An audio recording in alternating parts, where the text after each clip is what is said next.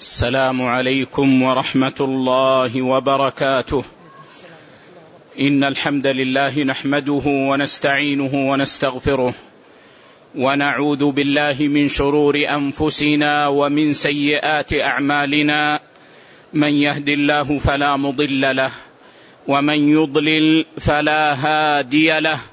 وأشهد أن لا إله إلا الله وحده لا شريك له. واشهد ان محمدا عبده ورسوله. يا ايها الذين آمنوا اتقوا الله حق تقاته ولا تموتن إلا وأنتم مسلمون. يا أيها الناس اتقوا ربكم الذي خلقكم من نفس واحدة وخلق منها زوجها وبث منهما رجالا كثيرا ونساء.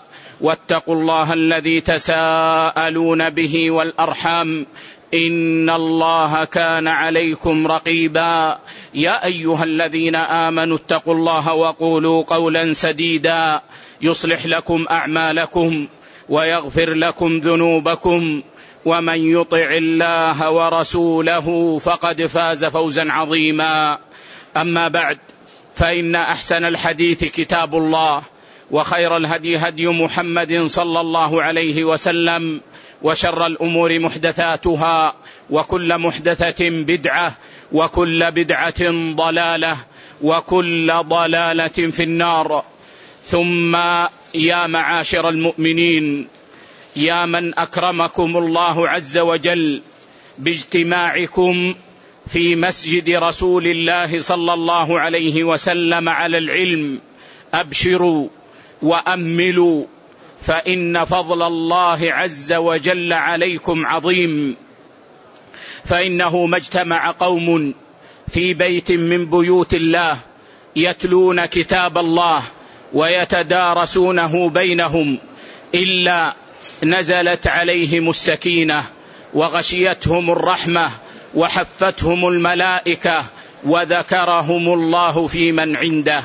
وما غدا غاد إلى بيت من بيوت الله يريد أن يتعلم خيرا أو يعلمه إلا كتب الله له أجر الحاج الذي تم حجه وما جاء أحد إلى مسجد رسول الله صلى الله عليه وسلم ليتعلم خيرا أو يعلمه إلا كان كالمجاهد في سبيل الله.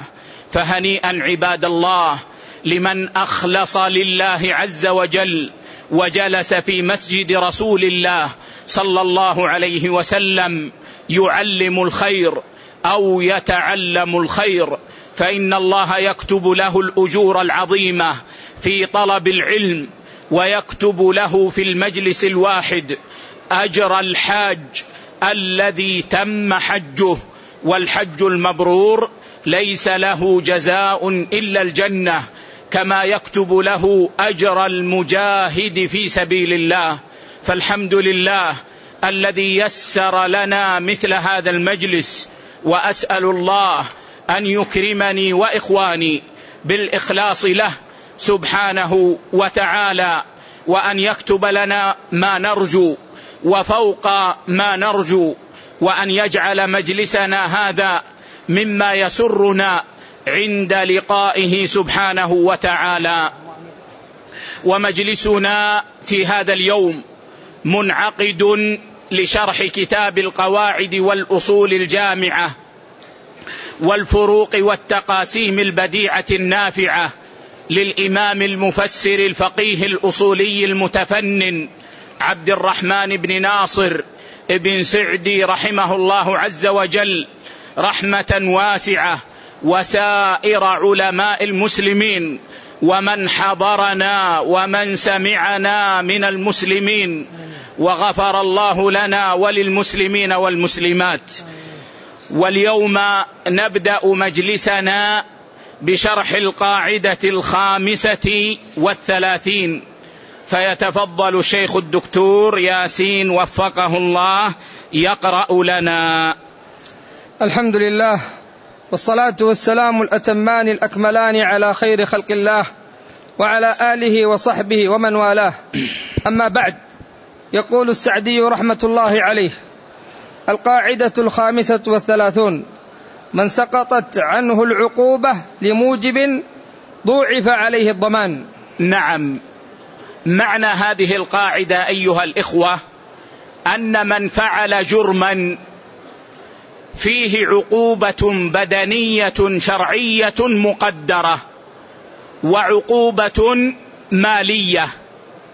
كالسارق إذا سرق سرقة مكتملة الشروط منتفية الموانع فإنه يعاقب بقطع يده. وهذه عقوبة بدنية شرعية مقدرة.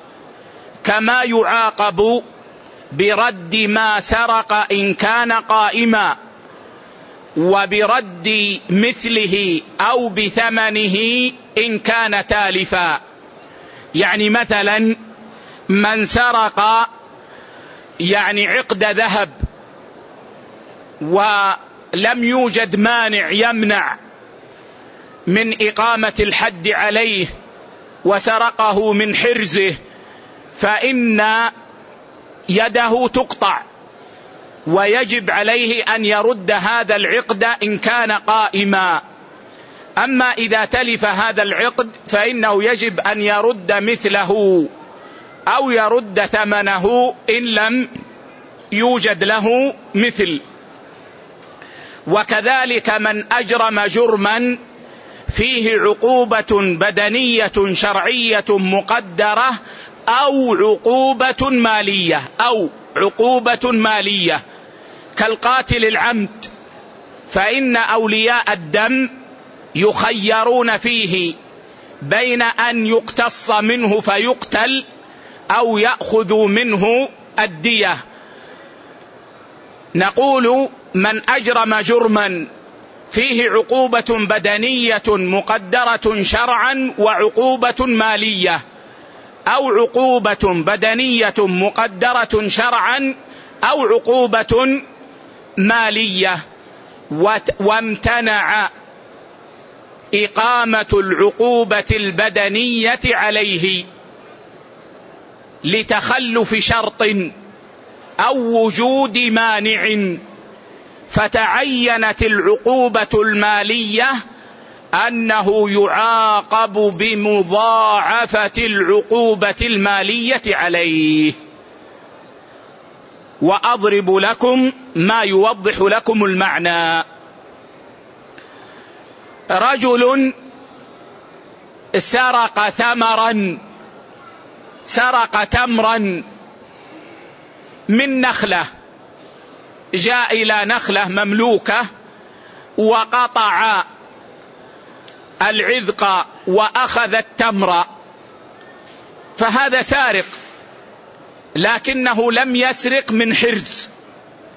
لم يسرق من حرز. فلا تقطع, فلا تقطع يده لتخلف شرط من الشروط وهو أن يسرق من حرز. لكن يجب عليه أن يرد الثمر. طيب تلف الثمر يجب أن يرد ثمن التمر ثمن التمر. فنقول كم يساوي هذا التمر؟ قالوا ألف. نضاعف عليه العقوبة. فنقول يجب أن ترد ألفين. يجب أن ترد ألفين.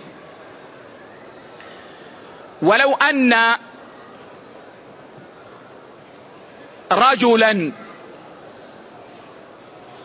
فقأ عين رجل.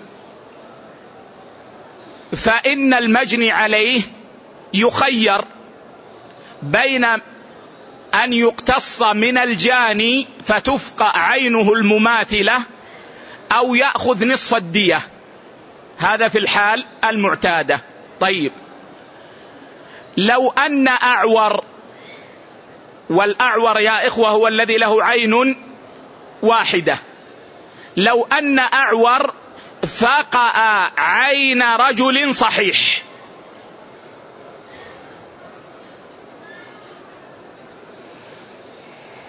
الآن لو قلنا يقتص من الأعور ماذا يترتب عليه؟ يذهب بصره كله يصبح أعمى. فهنا لا يقتص منه.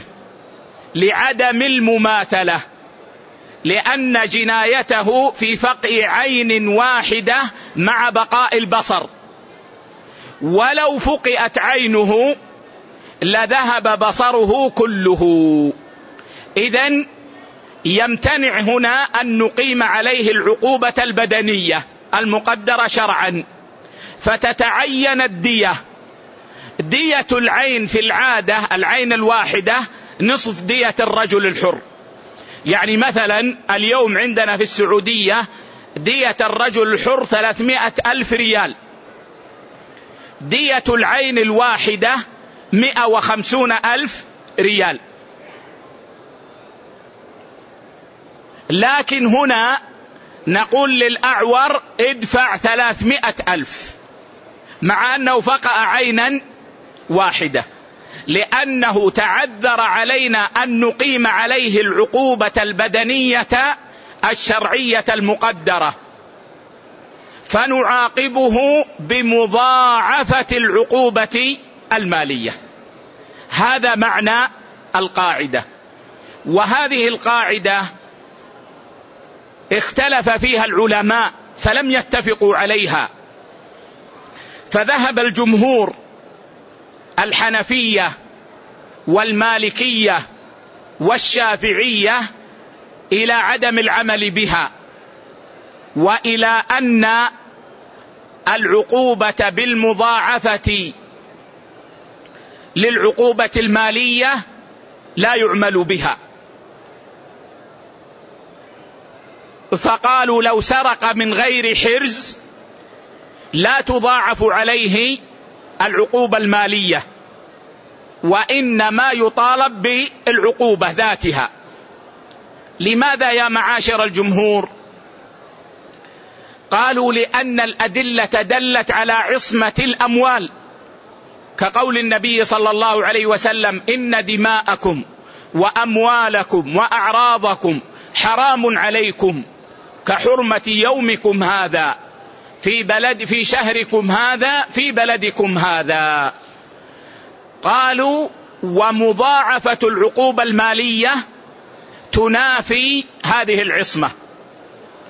قلنا لهم طيب ماذا تصنعون في الأحاديث التي وردت فيها العقوبة بالمضاعفة في المال؟ قال بعضهم هذه الأحاديث ضعيفة. وقال بعضهم هذه الأحاديث منسوخة. وهذا القول مرجوح لأن الأحاديث قد صحت. وأما النسخ فالنسخ لا بد فيه من ثلاثة أمور. الأمر الأول تعارض الأدلة والأمر الثاني أن لا يمكن الجمع بينها. والأمر الثالث أن يثبت التقدم والتأخر بين الأدلة. وهنا لا تعارض بين الأدلة بل تلك الأدلة عامة وأحاديث العقوبة خاصة. فلا تعارض بين عام وخاص. ولأنه ثبت عن الصحابة رضوان الله عليهم أنهم عملوا بها بعد وفاة النبي صلى الله عليه وسلم فدل ذلك على عدم النسخ. وذهب الحنابلة في المذهب إلى العقوبة بمضاعفة العقوبة المالية في حالين. في حال سرقة الثمر من غير حرز. وفي حال سرقة الماشية من غير حرز. يعني عند الحنابلة لو أن إنسانا جاء إلى النخلة وسرق التمر الذي فيها سرق الرطب. لم يسرق من حرز. يقول نضاعف عليه العقوبة المالية. لو أن شخصا ذهب إلى الغنم وهي ترعى في الجبل فسرق شاة. فإنه لا تقطع يده لأنه لم يسرق من حرز لكن يضاعفون عليه العقوبة المالية فيفرضون عليه ثمن شاتين إذا كان سرق شاة واحدة فقط. ولا يضاعفون العقوبة المالية في غير هذين الحالين. لماذا يا معاشر الحنابلة؟ قالوا لأن الأصل عصمة الأموال. ولا نخالف هذا الأصل إلا بدليل. وقد جاء الدليل في سرقة الثمر المعلق وفي سرقة الماشية من غير حرز. فنعمل بالدليل في هذين الحالين. وذهب بعض الحنابلة واختاره شيخ الإسلام ابن تيمية واختاره الشيخ ابن سعدي إلى أن المضاعفة بمضاعفة العقوبة المالية ثابتة وعامة في كل جرم تعذر علينا أن نقيم فيه العقوبة البدنية فإنا نضاعف فيه العقوبة المالية. وهذا وهذا والله أعلم هو أرجح الأقوال أن هذه القاعدة ثابتة ومعمول بها فمن سقطت عنه العقوبة البدنية لسبب من الأسباب يضاعف عليه الضمان. وذلك لأدلة منها حديث عبد الله بن عمرو رضي الله عنهما أن رسول الله صلى الله عليه وسلم سئل عن الثمر المعلق أي الثمر في الشجر. فقال صلى الله عليه وسلم من أصاب بفيه من ذي حاجة غير متخذ خبنة فلا شيء عليه. ومن خرج بشيء منه فعليه غرامة مثليه والعقوبة. ومن سرق منه شيئا بعد أن يؤويه الجرين فبلغ ثمن المجن فعليه القطع. ومن سرق دون ذلك فعليه غرامة مثليه والعقوبة. رواه أبو داود والنسائي وحسنه الألباني. النبي صلى الله عليه وسلم سئل عن الثمر المعلق. هل يجوز أن يؤخذ منه؟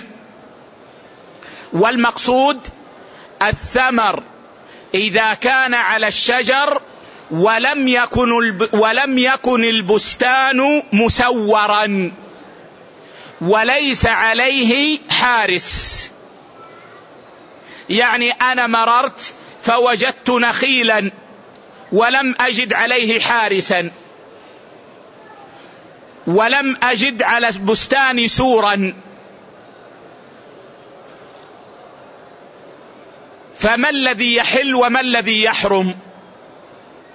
فقال النبي صلى الله عليه وسلم من أصاب بفيه من ذي حاجة يعني من أكل منه وهو محتاج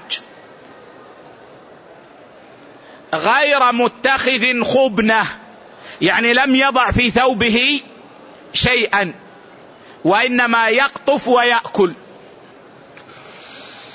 فلا شيء عليه. هذا جائز. ولذلك ذهب الحنابلة إلى أن من مر بثمر معلق ولا سور له ولا حارس عليه أنه يجوز له أن يأكل منه. لكن لا يجوز أن يضع في جيبه. ولو أراد أن يأكله في البستان. ولا يجوز أن يجمعه في صحن ولو أراد أن يأكله في البستان. وقالوا إن الصحابة رضوان الله عليهم كانوا يفعلون هذا. والنبي صلى الله عليه وسلم أذن فيه لكن هل يشترط أن يكون جائعا؟ هذه روايه في المذهب. أما غير الجائع قالوا ما يجوز أن يأكل ولو من الشجرة. والرواية الأخرى أنه يجوز ولو لم يكن جائعا لأن المقصود بقول النبي صلى الله عليه وسلم من ذي حاجة أي ممن يشتهي هذا الرطب وهذا أرجح والله أعلم. أنه يجوز لمن اشتهاه أن يأكل منه مباشرة. أما من أخرج منه شيئا فهذا في الحقيقة يستحق العقوبة وفعل حراما باتفاق العلماء. ما هي عقوبته؟ قال النبي صلى الله عليه وسلم فعليه غرامة مثليه. إذا كان الثمر الذي أخذ يساوي مئة ريال نأخذ منه مئتين. وهكذا. والعقوبة أي يعزره القاضي بعقوبة يراها فوق أخذ المثلين. ومن سرق منه شيئا بعد أن يؤويه الجرين.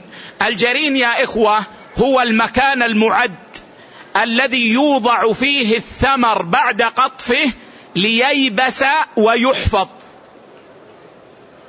بعض الناس يسمونه البيدر.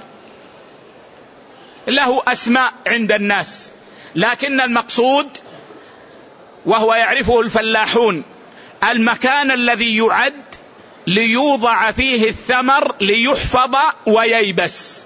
فهذا حرزه. فمن سرق منه ما يبلغ ثمن المجن. والمجن هو الدرع. وقدر ثمن الدرع بربع دينار. أي يبلغ نصابا. فإن عليه القطع. ومن سرق دون ذلك دون النصاب من الجرين أخذه من الجرين لكن دون النصاب. فإن النبي صلى الله عليه وسلم قال فعليه غرامة مثليه والعقوبة. إذا هذا نص صحيح في المسألة. أيضا لقول النبي صلى الله عليه وسلم ضالة الإبل المكتومة غرامتها ومثلها معها. ضالة الإبل المكتومة غرامتها ومثلها معها. رواه أبو داود وصححه الألباني. ضالة الإبل تقدم معنا يا إخوة أن ضالة الإبل لا تلتقط ولا تؤخذ بل تترك لأن معها حذاءها وسقاءها. تأكل من الشجر وترد الماء. طيب. لو أن إنسانا أخذ ضالة الإبل وكتمها عن صاحبها وجد بعيرا في الصحراء فأخذه وكتمه ولم يخبر به فجئنا فوجدنا البعير عنده. ما الغرامة؟ أولا أن نأخذ منه البعير. ثانيا أن نأخذ من ماله بعيرا آخر. ونعطيه لصاحب البعير. نعطيه لصاحب البعير. وهذا حديث صحيح عن النبي صلى الله عليه وسلم في ذلك. أيضا روى ابن أبي شيبة بإسناد آه، صحيح. والبيهقي إن لم أكن وهمت في ابن أبي شيبة لأني بعيد عهد بهذا لكن البيهقي أنا آه، يعني يغلب على ظني أنه رواه. أن غلمانا لحاطب بن أبي بلتعة رضي الله عنه بعدما مات حاطب رضي الله عنه أخذوا ناقة لرجل من مزينة ونحروها وأكلوها فأخذوا بها فأقروا أنهم أخذوها ونحروها يعني أخذوها من حرزها من بيته. فأمر عمر رضي الله عنه بقطع أيديهم لأنهم أخذوها من حرز وهي تبلغ نصابا. ثم رجع رضي الله عنه عن قطع أيديهم. وقال لعبد الرحمن بن حاطب لولا أني أظن أنكم تجيع تجيعونهم حتى أن أحدهم لو وجد ما حرم الله لأكله. لقطعت أيديهم. لكن إذ تركتهم لأوجعنك بالعقوبة.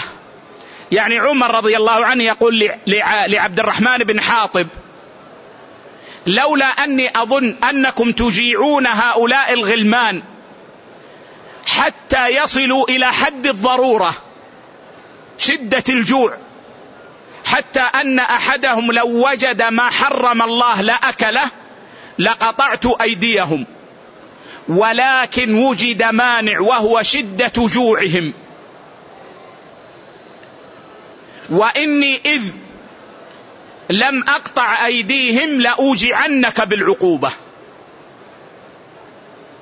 بكم ناقتك يا مزني؟ قال منعتها بأربعمائة أربعمائة درهم. منعتها بأربعمائة. يعني سيمت مني بأربعمائة فلم أبعها. فقال لعبد الرحمن أعطه ثمانمائة, ثمانمائة. أعطه ثمانمائة. فضاعف عليه العقوبة ضاعف عليه ثمن الناقة. أيضا روى عبد الرزاق عن عمر وعثمان رضي الله عنهما أنهما اجتمعا على أن في عين الأعور الدية كاملة. في عين الأعور الدية كاملة. وروى عبد الرزاق عن علي رضي الله عنه في رجل أعور. فقئت عينه الصحيحة. فقضى علي رضي الله عنه أنه إن شاء أخذ الدية كاملة وإن شاء فقأ عين الجاني وأخذ نصف الدية. وهذا رواه عبد الرزاق بإسناد صحيح عن علي رضي الله عنه. رجل أعور في زمن علي رضي الله عنه فقئت عينه الصحيحة. وقد قلنا يا إخوة إن العين بنصف الدية. فخيره علي رضي الله عنه بين أمرين. بين أن تفقأ عين الذي جنى عليه إحدى عينيه ويأخذ نصف الدية. وبين أن يأخذ الدية كاملة بدون قصاص. وفي هذا مضاعفة الدية في عين الأعور. لأن في فقها إذهاب العين إذهاب البصر كله. فدل هذا على مشروعية المعاقبة بمضاعفة العقوبة المالية. ونقرأ ما ذكره الشيخ ونعلق عليه. نعم. قال رحمة الله عليه وذلك إذا كان فعله سابا ناهضا لوجوب العقوبة عليه. لوجوب العقوبة عليه يعني العقوبة البدنية المقدرة شرعا.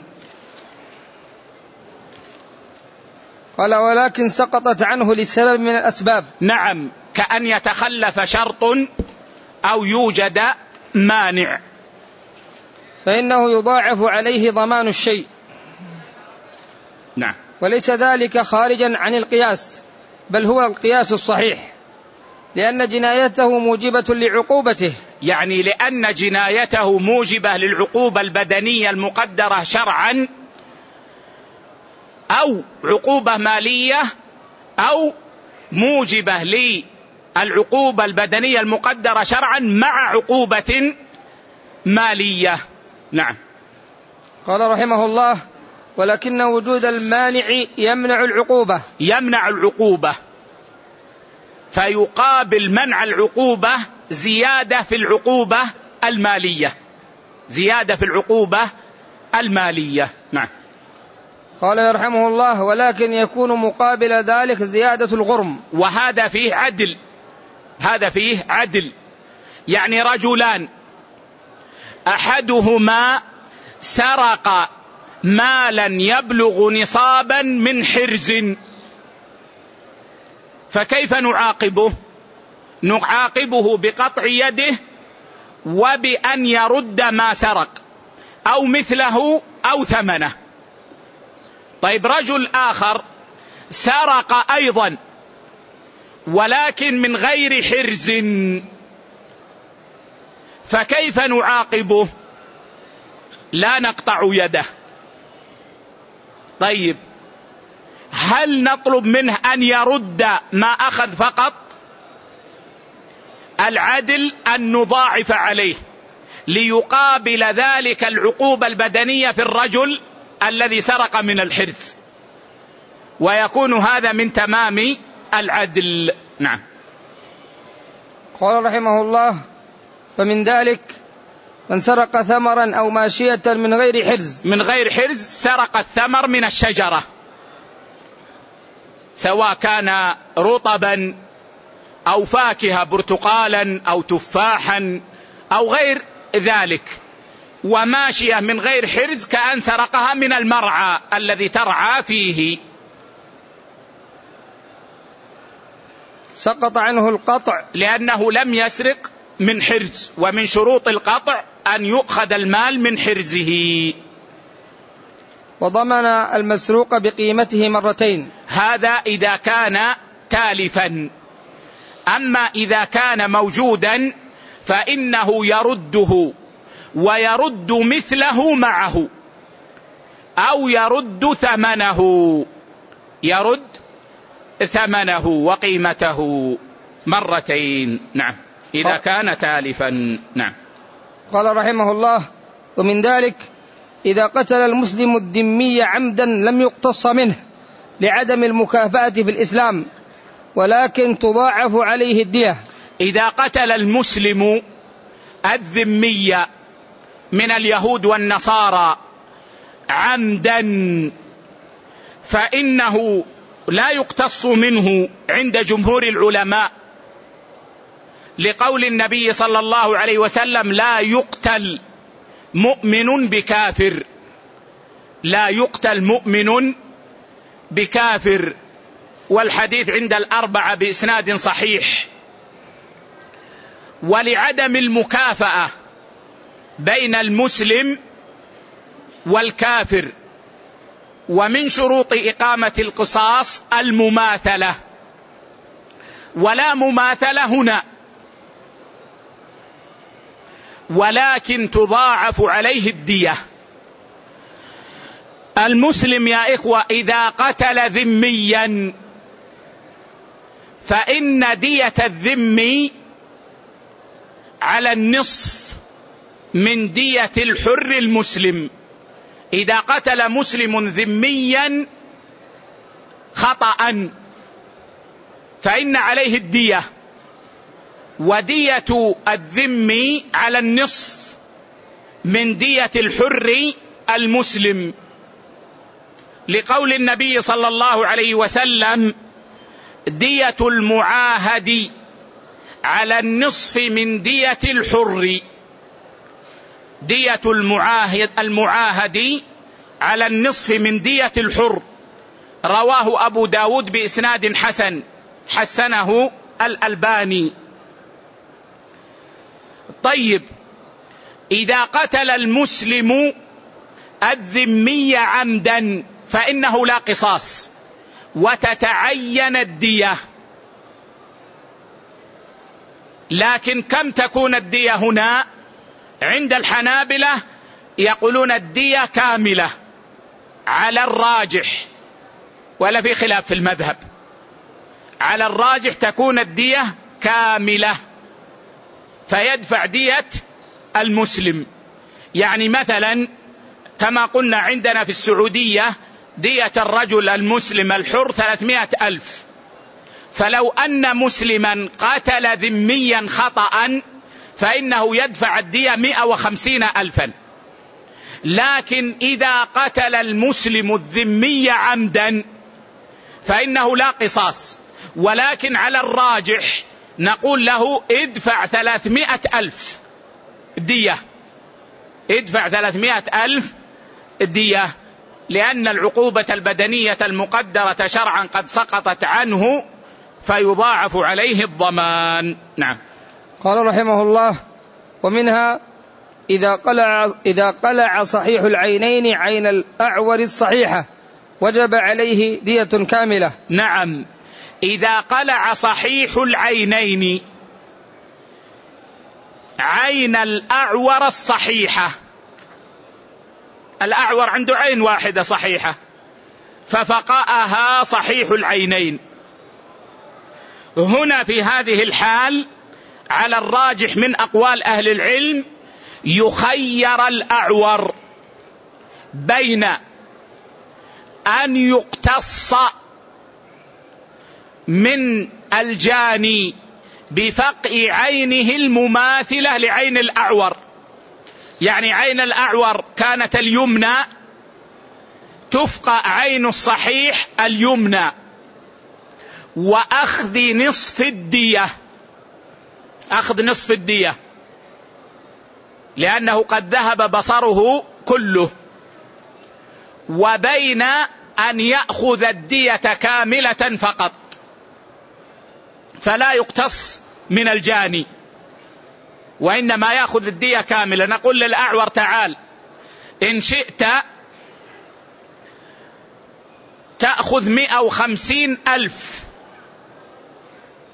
وتفقأ عين الجاني المماثلة لعينك. وإن شئت تأخذ ثلاثمائة ألف. الدية كاملة ولا قصاص وله الخيار وله الخيار. هذا هو الراجح من أقوال العلماء. نعم.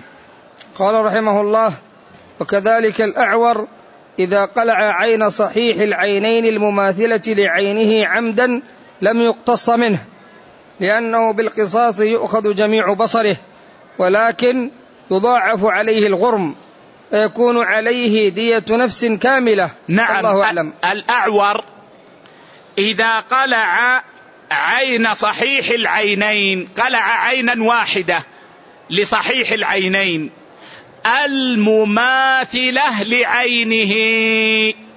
هذا قيد لا بد منه لأن القصاص يا إخوة يشترط فيه المماثلة. فلو كانت عين الأعور الصحيحة يسرى وفقأ عين الصحيح اليمنى فإنه في هذه الحال لا يقتص منه. لأن العين اليسرى لا تماثل العين اليمنى.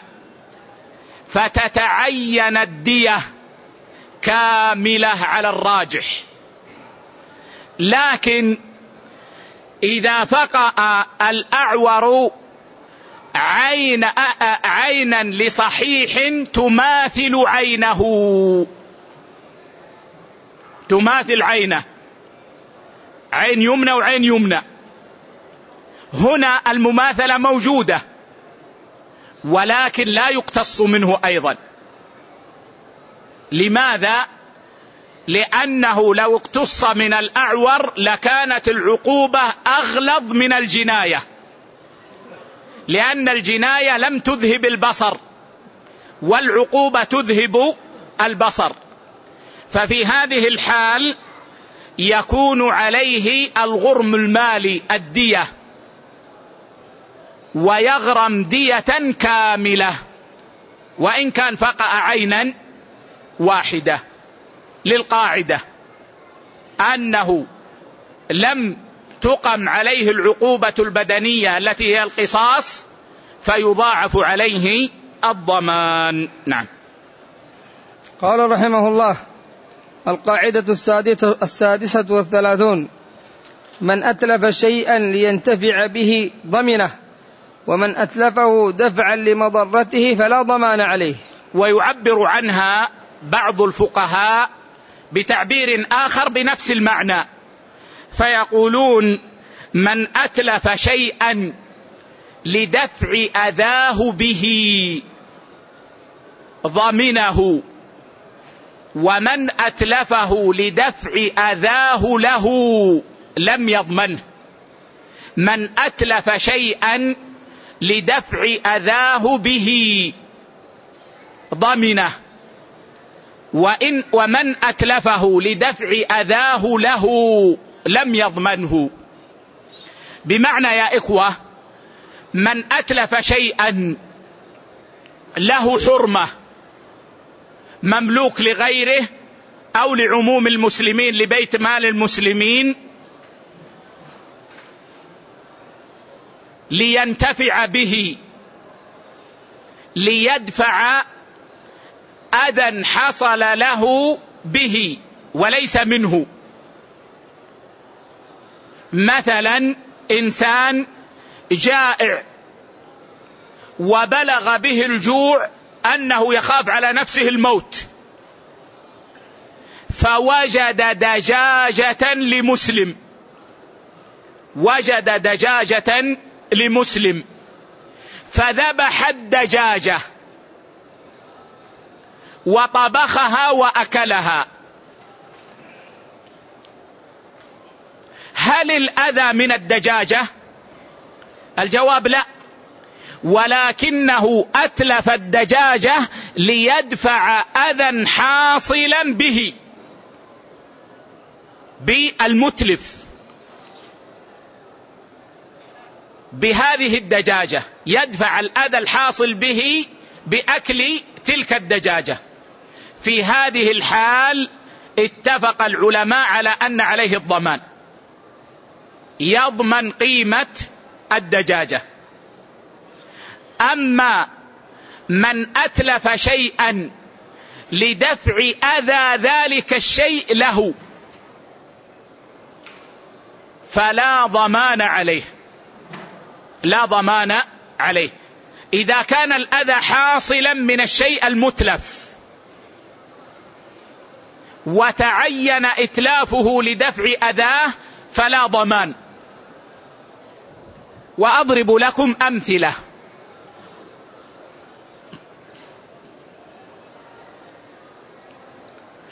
محرم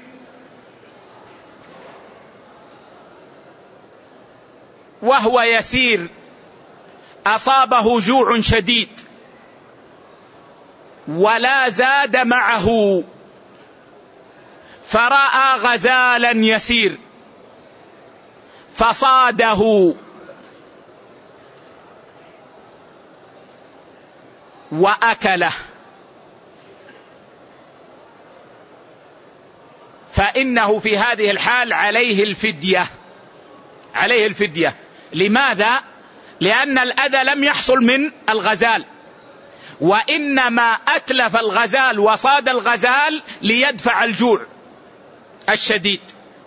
فهذا لا إثم عليه لكن عليه الفدية. محرم يسير في الصحراء فجاء غزال صائل عليه يريد أن يضربه بقرونه.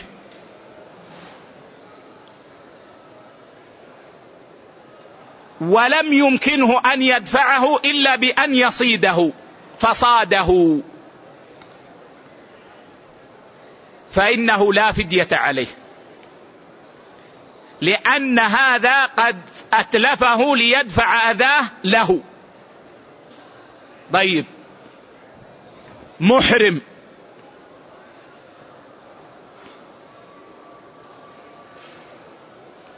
وهو محرم.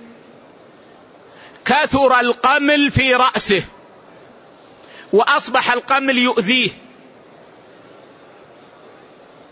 ولم يستطع أن يتخلص من القمل إلا بحلق شعره. يحلق شعره وعليه الفدية. يحلق شعره وعليه الفدية. لماذا؟ لأن الأذى هنا لم يكن من الشعر وإنما كان من القمل. فأتلف الشعر وحلق الشعر ليدفع أذى القمل. فعليه الفدية. طيب. محرم شعره طويل. وأصبح شعره يتساقط على عينيه ويدخل في عينيه. يؤذيه. فجاء بمقص وقص الأطراف التي تؤذيه. قص الأطراف التي تؤذيه. فهذا جائز ولا فدية عليه. لأن الأذى كان حاصلا من الشعر. كان حاصلا من الشعر. طيب تقولون أصلتم أصلا من طرفين فما الدليل عليه؟ ما الدليل على أن من أتلف شيئا لينتفع به يضمنه. قلنا الدليل حديث كعب بن عجرة رضي الله عنه. حيث مر به النبي صلى الله عليه وسلم زمن الحديبية. وكان القمل يتناثر على وجهه. من كثرته يتناثر على وجهه. فقال له النبي صلى الله عليه وسلم أتؤذيك هوام رأسك يعني أيؤذيك القمل قلت نعم. قال قلت نعم. قال فاحلق وصم ثلاثة أيام أو أطعم ستة مساكين أو انسك نسيكه. رواه الشيخان البخاري ومسلم. فهنا يا إخوة النبي صلى الله عليه وسلم لما رأى القمل يتساقط على وجه كعب رضي الله عنه سأله هل يؤذيك هذا؟ قال نعم. قال إذن أحلق مع احلق مع أنه محرم احلق. ولكن رتب عليه الفدية وصم ثلاثة أيام أو اطعم أو أطعم ستة مساكين أو انسك نسيكه فدل هذا على أن من أتلف شيئا لينتفع به ويدفع أذاه به أنه يضمنه. هذا الأصل. وأما الطرف الثاني وهو أن من أتلف شيئا لدفع أذاه له لم يضمنه أو كما قال الشيخ هنا من أتلفه دفعا لمضرته فلا ضمان عليه. ما الدليل؟ يشهد لهذا الأصل ويدل عليه أن رجلا سأل النبي صلى الله عليه وسلم فقال يا رسول الله أرأيت إن جاء رجل يريد أن يأخذ مالي؟ يعني أرأيت يا رسول الله إن جاء رجل يريد أن يأخذ مالي بالقوة. فقال صلى الله عليه وسلم لا تعطه مالك لا تعطيه مالك. قال يا رسول الله أرأيت إن قاتلني؟ رفع السلاح ليقاتلني ليأخذ المال. قال صلى الله عليه وسلم قاتله. قال يا رسول الله أرأيت إن قتلني؟ قال أنت شهيد. قال يا رسول الله أرأيت إن قتلته؟ قال هو في النار. قال هو في النار. رواه مسلم في الصحيح. ووجه الدلالة آخر الحديث يا إخوة. أن الرجل قال أرأيت إن قتلته؟ قال هو في النار. ولم يوجب على القاتل عقوبة ولا ضمان. وهذا صائل على المال فاضطر لقتله لأنه قاتله. فدل هذا على أن من أتلف شيئا لدفع أذاه له لم يضمن. لكن يشترط لهذا يا إخوة أن لا يمكن دفعه بغير الإتلاف. فإن أمكن دفعه بغير الإتلاف لم يجز إتلافه. يعني مثلا يا إخوة جاءني رجل يريد أن يسرق مالي.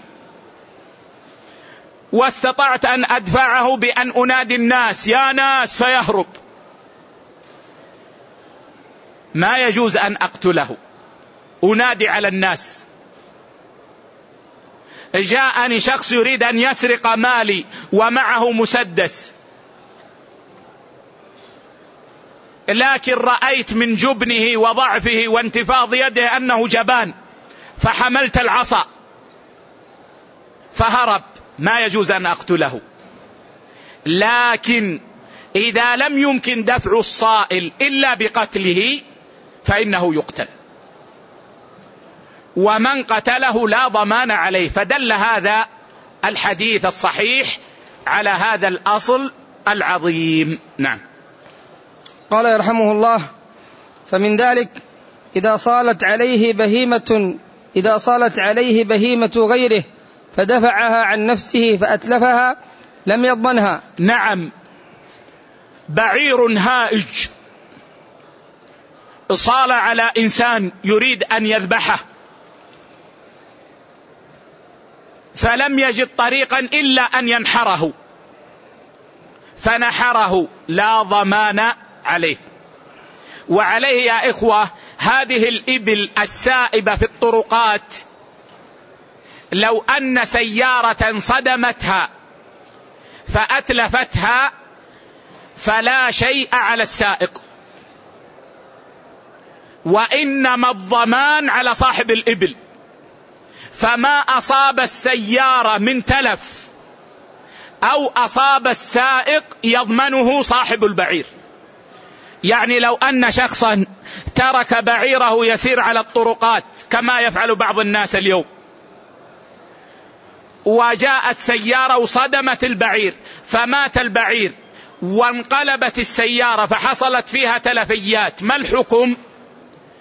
لا ضمان على السائق والبعير هدر. ويضمن صاحب البعير التلف الذي حصل في السيارة.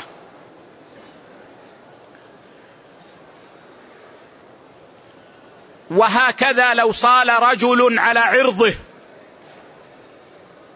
جاء رجل والعياذ بالله يريد أن يزني بامرأة الرجل فلم يندفع إلا بقتله.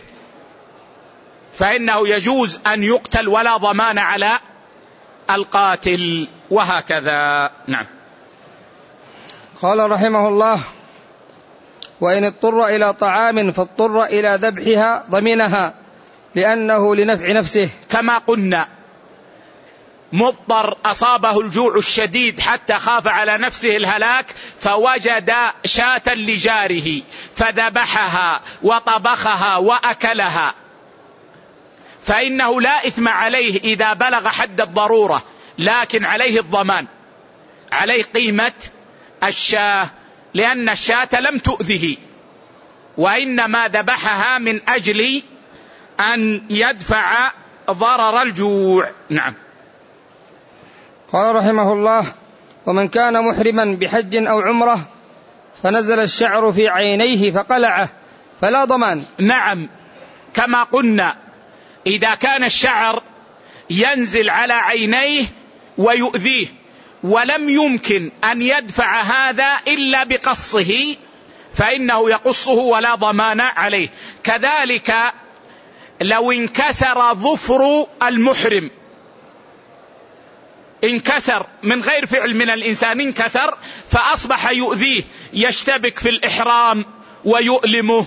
ونحو ذلك يجوز أن يقطعه بالمقدار الذي يدفع الأذى ولا ضمان عليه. لا فدية عليه لأنه في هذه الحال كان الأذى حاصلا من المتلف. فلا ضمان. نعم.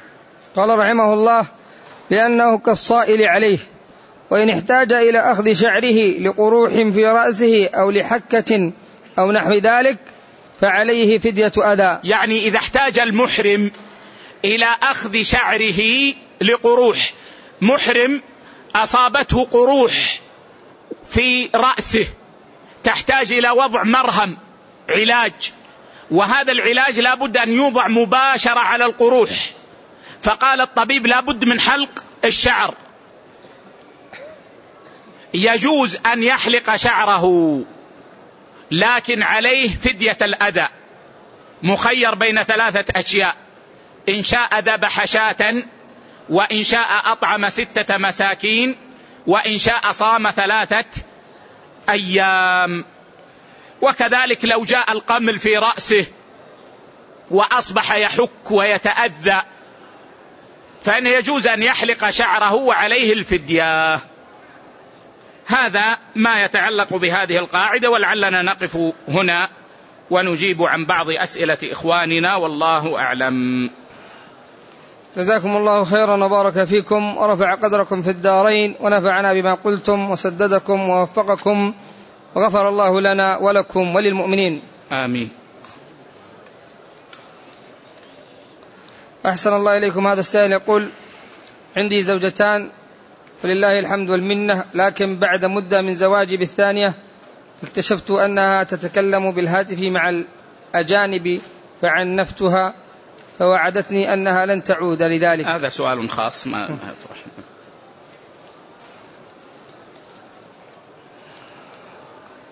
يقول هذا ماذا يفعل من ابتلي بمشاهدة الأفلام الإباحية بعد توبة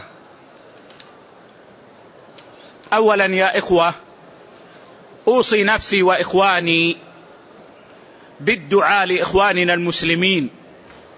فالمسلم أخو المسلم. وإذا كنا بحمد الله ننعم في هذا البلد سواء كنا من أهله أو من زواره من الحجاج والعمار والضيوف. ننعم بالأمن والطمأنينة وذاك بفضل الله لا بذكاء من أهل البلد ولا بقوة وإنما بفضل الله عز وجل. لأن هذا البلد تحكم فيه شريعة الله وتحمى فيه السنة وتمنع فيه البدعة. فإذا كنا ننعم بهذه النعم فلنتذكر إخواننا الذين يعانون من فقد الأمن وكثرة التقتيل وكثرة السراق وعدم الطمأنينة. فلنتذكرهم وندعو لهم. وإن من القرب أن ندعو لهم في السجود. ونحن نصلي. ندعو لإخواننا في اليمن. ندعو لإخواننا في سوريا. ندعو لإخواننا في بورما. ندعو لإخواننا في العراق. ندعو لإخواننا الذين عندهم فرقة وفتن. كإخواننا في ليبيا.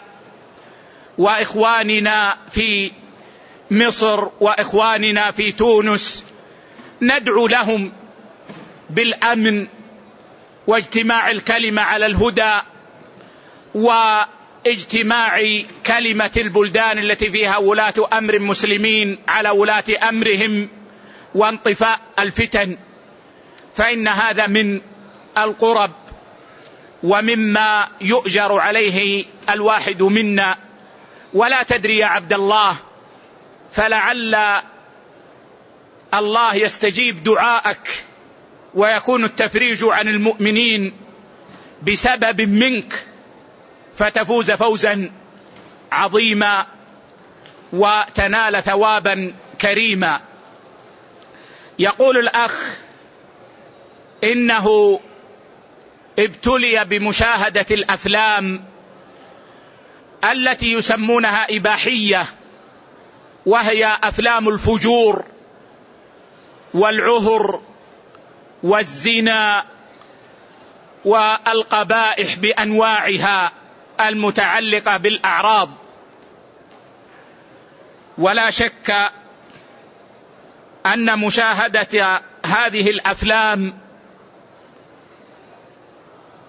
من الجرائم العظمى وهي محرمة يقينا. والواجب على المسلم أن يمنع نفسه من ذلك. ومما يعين على ذلك أن تتذكر يا أخي وأنت تشاهد هذه الأفلام أن الله يراك. أنت تنظر إلى هذه المحرمات بعينيك والله يراك. وأنت يا عبد الله لو دخل عليك طفل في السابعة أو الثامنة أو العاشرة وأنت تشاهد هذه الأفلام لاستحيت وارتبكت وأغلقتها فكيف لا تستحي من الله الذي خلقك وأنعم عليك بالعينين ورباك بالنعم. فإذا دعتك النفس الأمارة بالسوء إلى مشاهدة هذه الأفلام فذكر نفسك بأن الله يراك. كما يستعين العبد على ترك هذه المنكرات بالتذكر أن أعضاء الإنسان ستشهد عليه يوم القيامة بما فعل.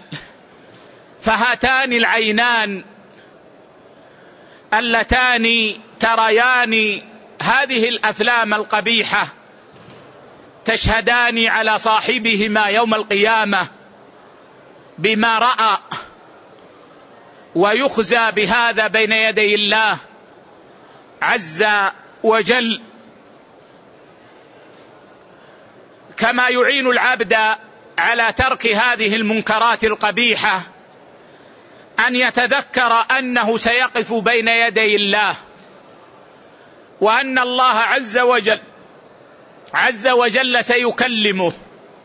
ليس بينه وبينه ترجمان. وأنه إما أن يعرض عليه عمله عرضا بين يدي الله وهذا شأن عظيم. وإما أن يناقش الحساب وهو عرضة لأن يناقش الحساب. ولو لم يكن في الذنب من عقوبة إلا أن الله عز وجل يناقش المذنب في هذه الذنوب. يوم القيامة لكفى بذلك زاجرا عن فعلها. ومن نوقش الحساب عذب. فكيف وأن هذه المحرمات سبب لدخول النار والعياذ بالله؟ ومما يعين العبد على ترك هذه المنكرات القبيحة أن يتذكر أن هذه الشهوة العارضة قد تكون سببا لدخوله النار وأن شهوات الدنيا كلها لو جمعت للإنسان وغمس غمسة واحدة في جهنم لنسي كل لذة. فكيف؟ وهذه شهوة يسيرة ليست كثيرة ولا كبيرة. فيتذكر العبد هذا. وهذا يزجره عن معصية الله. كما يذكر نفسه بأن المؤمن إن صبر عن الحرام فجزاؤه الجنة التي أعد الله فيها لعباده المتقين. ما لا عين رأت ولا أذن سمعت ولا خطر على قلب بشر. وأنه إن صبر عن مشاهدة هذه الأفلام الخبيثة فإن الله يعوضه طمأنينة في قلبه وراحة في باله ويرزقه الجنة.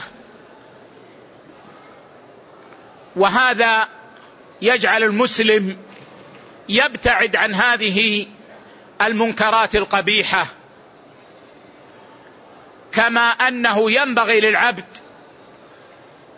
أن يسأل الله دائما وكثيرا أن يثبته على الدين والهدى وعلى الخير الذي هو فيه وأن يستعيذ بالله مما يغضبه. يسأل الله أن يعينه على ذكره وشكره ويستعيذ بالله مما يغضبه. يكثر من الدعاء صادقا. اللهم يا ربي قنعني عن الحرام.